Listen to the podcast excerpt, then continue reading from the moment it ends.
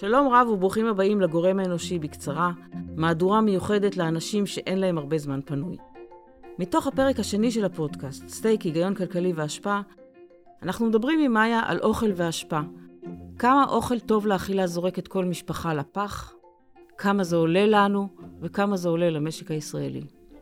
אפשר להגיד שתרבות הצריכה היא עניין הרבה יותר מורכב ממה שחשבנו. מעורבים בזה אינטרסים כלכליים גלובליים רבי עוצמה, שבעצם מניעים אותנו ומשנים את התפיסה שלנו. כל זה גורם לכך שרובנו קונים הרבה יותר ממה שאנחנו באמת צריכים. לא רק בגדים וסמארטפונים, אלא פשוט אוכל. והקניות המוגזמות האלה גורמות לנו גם לזרוק הרבה אוכל, שזה באמת לא מתקבל על הדעת. כדי להבין יותר את הבעיה הקשה הזאת של אוכל טוב שמושלך לפח, או אפילו מושלך לגוף שלנו לפעמים, אנחנו נדבר עכשיו עם מאיה גבעון, פעילה ויועצת סביבתית. מאיה שלום. שלום מאיה. היי, אחר צהריים טובים. אחר צהריים טובים. אז uh, בואי נתחיל במספרים. כמה אוכל באמת זורקים בארץ וכמה זה עולה לנו? שאלה מצוינת. אז בארץ, ודרך אגב גם בעולם, ההערכה היא ששליש מתוך כל מה שאנחנו מייצרים הולך לפח. כשהוא הולך לפח, לכל אורך השרשרת. זאת אומרת, מהגידולים בשדה, שלא כולם מגיעים אלינו, דרך uh, כל מיני תקלות ובעיות שיש בשרשרת הייצור, בסופרים, והרבה מאוד במקומות שבהם אנחנו צורכים את המזון, שזה בבית, במסעדות, בקפיטריות, בבתי חולים וכולי וכולי. לכל אורך הדרך, שליש מכל מה שאנחנו משקיעים בו המון משאבים, הולך לפח, uh, ובסופו של דבר בישראל זה שניים וחצי מיליון טון מזון בשנה. שזה המון. זה המון. Mm-hmm. כמה זה עולה לנו, אז הערכה למשק, ודרך אגב הנתונים, אה, צריך לומר ולפרגן, מגיעים מדוחות אה, שנתיים של לקט ישראל, שעשו יחד עם BDO, והם משקיעים בהצלה של מזון, זאת אומרת עודפים שיש, לפחות שיגיעו למי שצריך אותם. אז ההערכות שלהם זה שזה מסתכם בכמעט 20 מיליארד שקל בשנה בישראל.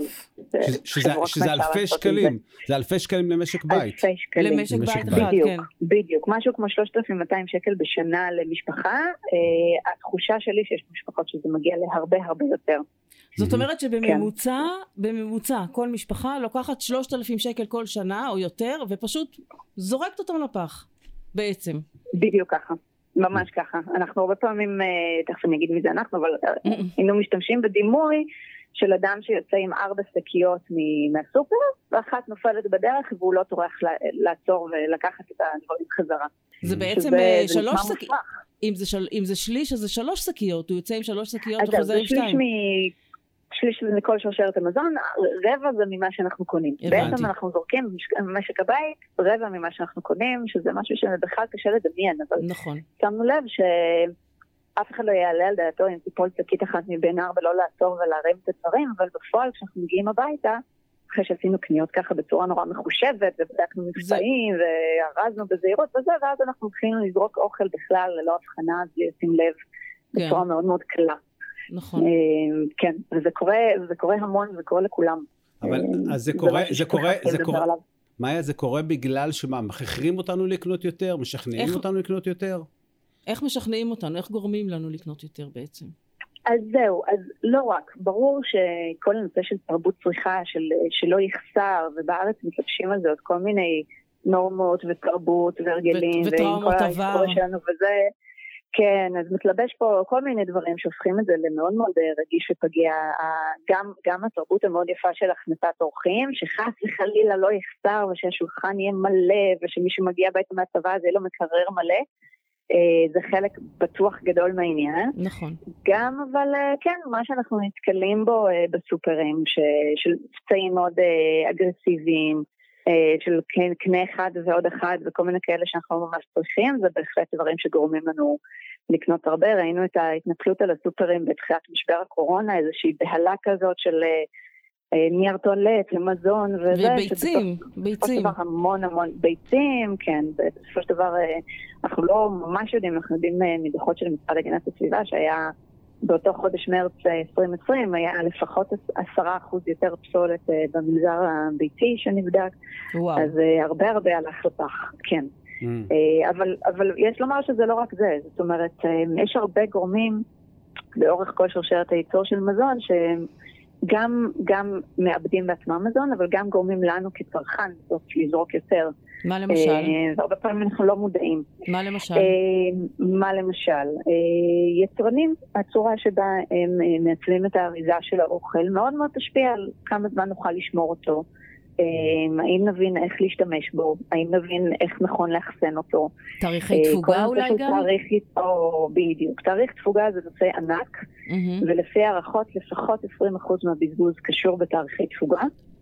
ובארץ התאריך נקבע לפי החוק, היצרן הוא זה שקובע את התאריך. כן. שהוא יכול לשים מה שהוא חושב שנכון, ואז יש עולם שלם של סיבות איך תאריך התפוגה בעצם גורם לנו הרבה פעמים לבזבז. לפעמים הוא לא ברור, לפעמים הוא פיזית נמחק ולא ברור, ולפעמים יש לו כל מיני ניסוחים שאנחנו לא ממש מבדילים ביניהם, בין עדיף לשימוש עד ולשימוש לפני, טוב, וכל טוב מיני ל- דברים טוב כאלה. לשימוש, כן. אני יודעת על בדיוק. עצמי שאני אה, לפעמים שעות מחפשת בסופר על השקית את התאריך. הוא מוחבא בין הכפלים ואני לא... לוקח לי המון זמן למצוא אותו. נכון, וצריך גם להזכיר שיש מוצרים שלא בטוח שחייבים שיהיה להם תאריך תפוגה. אה, מוצרים כמו, כמו שמן, כמו סוכר, כמו מלח, כמו חומץ. נכון. אה, החוק לא מחייב לשים עליהם תפוגה, ולצרכן יש אינטרס לשים עליהם תפוגה. כן. אה, ו- ואת כל הסוגיות האלה, רוב הצרכנים לא, לא מודעים אליהם בכלל, וזה בסדר, כי אי אפשר לבקש מאדם לעשות דוקטורט כל פעם שהוא הולך לסופר. אה, מצד אחד, הרבה אבל מצד. שני, אנחנו כן רוצים שתהיה מודעות, ולכן בין השאר אנחנו עושים את הפודקאסט הזה.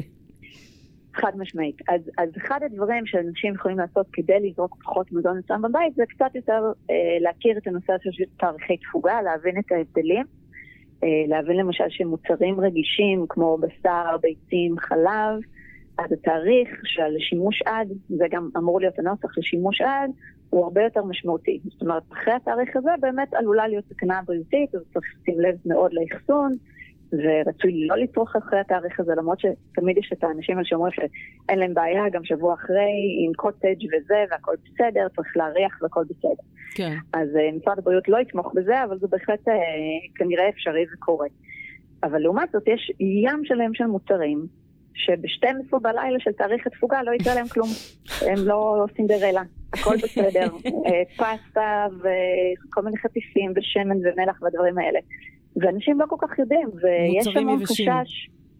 מוצרים יבשים בעיקר, כן, ויש המון המון חשש, ואנשים משליכים כמויות מאוד מאוד גדולות של אה, מוצרים בגלל החשש הזה. אה, ואגב, זה גם קורה בסופרים, אה. מסיבות אחרות קצת, אבל גם סופרים אה, משליכים כמויות עצומות של מוצרי מזון טובים לשימוש לפני תאריך התפוגה, כדי לפנות את המקום למוצרים עם תפוגה יותר חדשים ארוכה. יותר. כן. כן. טוב, עכשיו, מה זה חייבים להזכיר פה את אה, הארגון שבעצם התחיל, בזכותו אני יודעת את כל המידע, אז אה, כל העבודה הזאת שעסקתי בנושא של בזבוז מזון הייתה במסגרת The Natural Step. אה, ישראל, ארגון שבשש שנים האחרונות הוביל את המהלך הרחב בארץ, להבין איפה יש בזבוז מזון, למה יש. אה, באמת אספנו נציגים מכל שרשרת ערך, כולל משרדי ממשלה, כולל יצרנים, כולל רשויות אה, קמעונאיות, כולל אה, רשויות מקומיות וכולי וכולי, וניסינו. להבין כדי איפה- לקבל איפה תמונת הדברים מצב. צריכים להשתנות. כן. בדיוק. וגם איפה, איפה הדברים יכולים להשתנות, ויכולים להיווצר שיתופי פעולה אפילו, או הזדמנויות ל, לשינוי שהוא גם משתלם. אה, ואחד מהדברים שהבנו באמת שבסופרים יש בזבוז ענק שאף אחד לא מדבר עליו.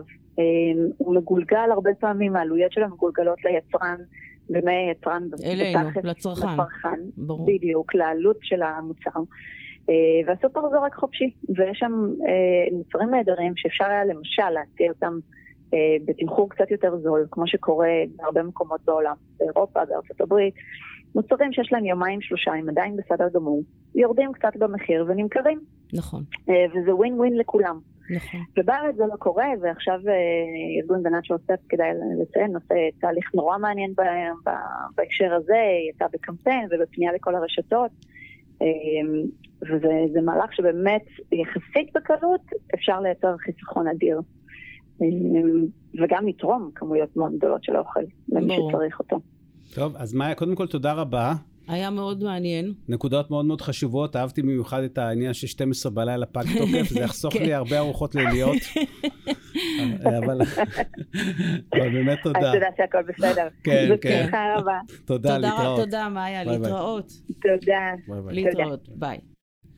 זאת הייתה מאיה גבעון מתוך הפרק השני של הפודקאסט, סטייק, היגיון כלכלי והשפעה. אתם מוזמנים להקשיב לפרקים המלאים באתר חיים וסביבה וגם בספוטיפיי, אפל וגוגל. דברו איתנו בעבוד הפייסבוק של חיים וסביבה. תודה על ההאזנה ולהתראות.